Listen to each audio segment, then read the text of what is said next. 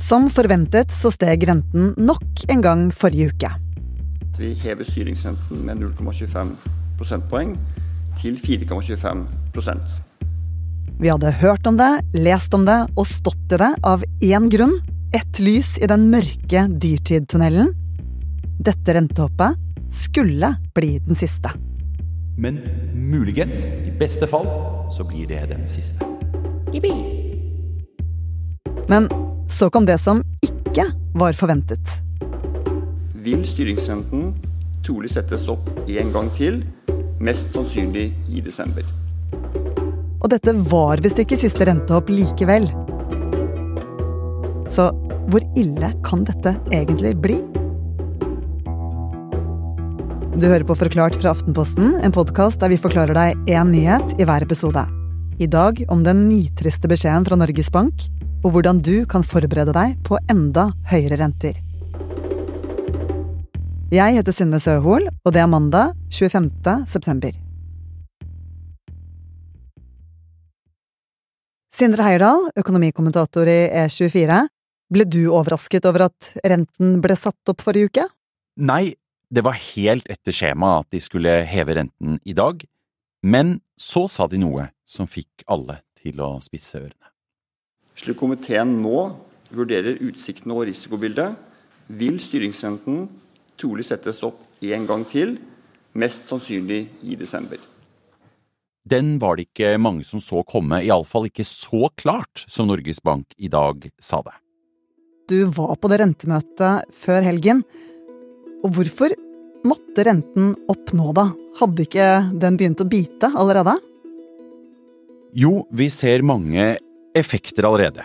Nybilsalget sliter, det er lite boliginvesteringer, salget av nye boliger har nesten stoppet opp, og vi kan vente at boligprisene skal falle de neste månedene.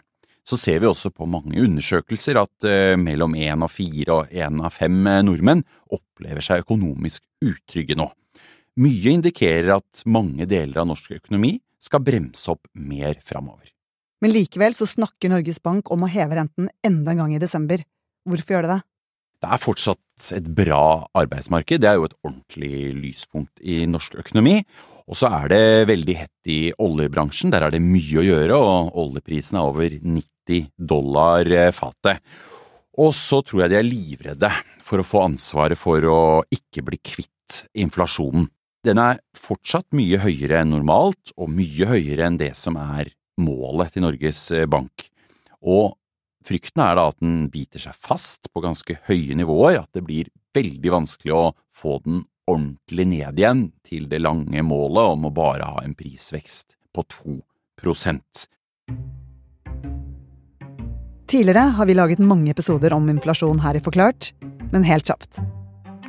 Inflasjon betyr altså at priser på varer og tjenester går opp over tid, og at alt bare blir dyrere og dyrere. Og hvis du synes det høres litt rart ut at inflasjonen kan bite seg fast, så handler det om at priser og lønn pisker hverandre oppover i en spiral. En spiral som det er vanskelig å komme ut av. Faren er at forventningen om at prisene skal øke, bare fòrer nye forventninger om at den blir der, og at vi krever mer i lønn av vår sjef, så krever bedriften mer av sine kunder for å kompensere for økte lønnsutgifter, og så har vi det i gang. Da skal vi også vi igjen ha mer for at det blir dyrere å handle på Kiwi og Rema.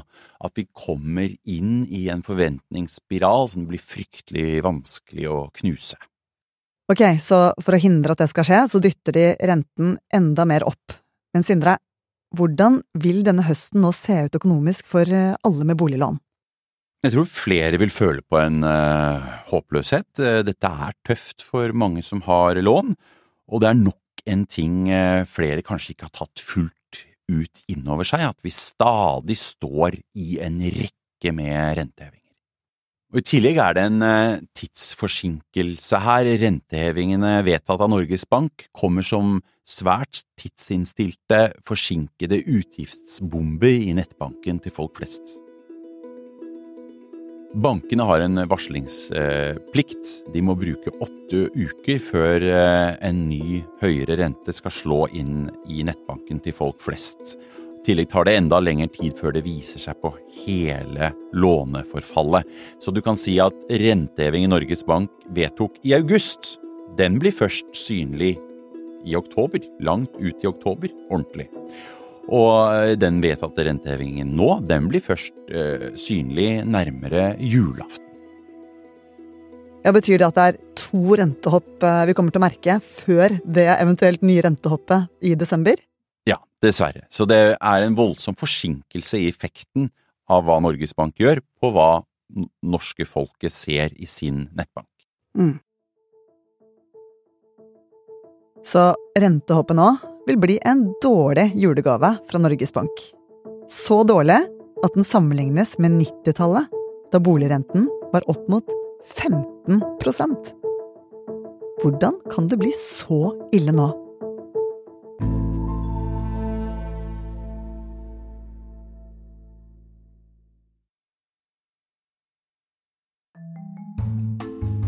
Hvis du ikke husker 90-tallet, så var det tiåret med grunge-musikk Friends og platåskåt. Smelly cat, smelly cat. Lillehammer holdt OL. Og ikke minst var renten rekordhøy. Vi hadde jo både på 80-tallet og begynnelsen av 90-tallet en veldig høy inflasjon og veldig høye renter, godt oppe på 10-tallet. Så det var en veldig hard tid for eh, mange, eh, og vi fikk en bankkrise og vi fikk en boligpriskollaps som eh, bunnet ut først i 1993. På starten av 90-tallet kunne boliglånsrenten være på opp mot 14-15% Og selv om vi ikke er i nærheten av så høy rente i dag, så har mange unge det like tøft som foreldrene sine. Det som er den store forskjellen, det er at vi er mye mer forgjeldet nå. Nordmenn er på verdenstoppen i privat gjeld. Og det betyr også at hver eneste lille renteheving nå, den biter vanvittig mye mer enn før. Ja, Betyr det at det er verre for unge boligeiere i dag enn det var på 90-tallet? For veldig mange av dem, eh, iallfall. Fordi eh, de som har kommet sist inn, er gjerne de som har lånt mest. Og vi ser jo at eh, så sent som i fjor så var det omtrent halvparten av nye lån hvor særlig unge da tok opp minst fire ganger egen inntekt i lån. Så her er det mange tungt forgjeldede som nå må merke disse rentehevingene virkelig ekstra på pengepungen. En leilighet i Oslo som kostet en halv million i 1992 koster i dag 6,7 millioner. Et rekkehus som kostet 1 million i 1992, må du i dag betale rundt 10 millioner for. Men Sindre, dette er jo lenge siden. Er ikke dette vanlig prisutvikling, da? Ikke i forhold til hva folk eh, tjener. Og SSBs beregninger, som allerede er litt støvete fordi de ikke har tatt inn over seg en enda mer aggressiv renteplan fra Norges Bank, den beregningen tilsier at eh, låntagere neste år må ut med mer eh, i renteutgifter målt mot inntekt enn på 30 år. Altså siden 1990-tallet. Hvordan vil dette slå ut eh, på norsk økonomi fremover? Ja, det blir enda litt eh, treigere økonomi. Det blir enda litt mindre forbruk av nok en renteheving og nok en utsikt til enda en. Og det blir enda antagelig litt mer fallende boligpriser, det blir litt mindre salg av nye boliger, litt mindre salg av nye biler. Det går litt treigere i de fleste hjørner av økonomien. Men hva skal til for at renten ikke går opp i desember, da? Ja, Hvis inflasjonen, som allerede har begynt å dempe seg, men stadig er skyhøyt over eh, målet, hvis den viser meningsfulle avdempinger også i månedene som kommer, da tror jeg Norges Bank vil bli beroliget. Og så har vi arbeidsledigheten. Det er alltid en stor X-faktor. Nå er det usedvanlig lav arbeidsledighet i Norge, det er et lyspunkt, men hvis den begynner å stikke oppover, da kan en renteheving lett bli kansellert. Og vi kan jo tenke oss hva som kommer sammen med økt ledighet også. økte konkurser, både i bedrifter og, og, og, folk flest som ikke kan gjøre opp for seg, da blir det lett så ille at Norges Bank må kutte ut flere hevinger. Så sånn sett så håper vi ikke at det skal skje heller. Men det vi kan håpe på, er at advarselen om rentehopp er nok i seg selv. For poenget er jo at den skal få oss til å slutte å forbruke, slutte å kjøpe ting, og på den måten kvele inflasjonen. Så det er det Norges Bank også håper skal være effekten, signaleffekten også, av det de nå sier og gjør. Men Sindre, hvordan blir det fremover, altså neste år? Når kan vi forvente at uh, det blir rentekutt? Norges Bank selv de sier nå at de ikke tror på noe rentekutt neste år.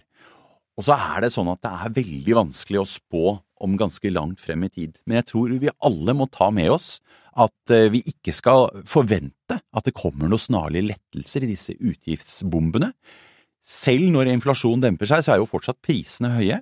Dette vil bli en tøff tid fremover, og et eventuelt rentekutt, det kan la vente på seg også i mange år.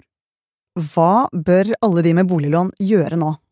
Ja, For det første må vi prøve å ta inn over oss at det blir tøffe tider, dyrtid, lenge, og da må vi jo tilpasse forbruket til det. Eh, og så er det lurt å se om det går an å utsette denne oppussingen av garasjen, utsette store utgiftsposter framover i tid. Og alle bør se på de største månedlige utgiftene, er det noe å hente på prute på boliglånet, på forsikringspremiene? Og kan man eventuelt bytte bank eller forsikringsselskap for å komme nedover der? Og så er det bare å stålsette seg for at dette ikke er over, med alt det innebærer. Det er en fordel noen ganger å være litt pessimistisk. Da er det kanskje tross alt litt mer igjen i nettbanken hver måned.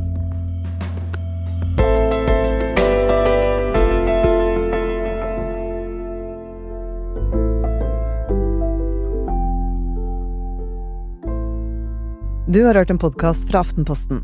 Det var E24s Sindre Heierdal som forklarte deg nok en runde med rentehevinger. Denne episoden er laget av produsent Olav Eggesvik og meg, Synne Søhol. Resten av Forklart er David Vekoni, Jenny Førland og Anders Weberg. Du har hørt lyd fra Norges Bank, Geffen Records, Warner Bros Television og NRK. Og helt til slutt så vil jeg bare dele et lite tips hvis du er på jakt etter noe bra å lytte til, så anbefaler jeg podkasten Dypdykk. Den tar for seg fenomener i tiden vi lever i, som eksempel mekanismene bak konspirasjonsteorier, og om demokrati er den beste styreformen for å løse klimaproblemene. Det jeg synes er det beste med dypdykk, er at man faktisk lærer noe nytt som man kan ta med seg inn i diskusjoner med venner og familie. Du kan høre dypdykk i Aftenposten-appen eller hos Podme. Å spise, drikke, kjøre bil, dra på ferie, bare gå ut døra har blitt mye dyrere, og medisinen som skal fikse problemet Heve styringsrenten med 0,25 prosentenheter til 4% er renta. Men når renta stiger, så blir jo boliglånet sykt dyrt òg. Må det være sånn? I podkasten Dypdykk undersøker vi de store spørsmålene om tida vi lever i, og prøver å gi deg svarene du ikke bare kan google deg fram til. Du finner den hos Aftenposten eller Podmy.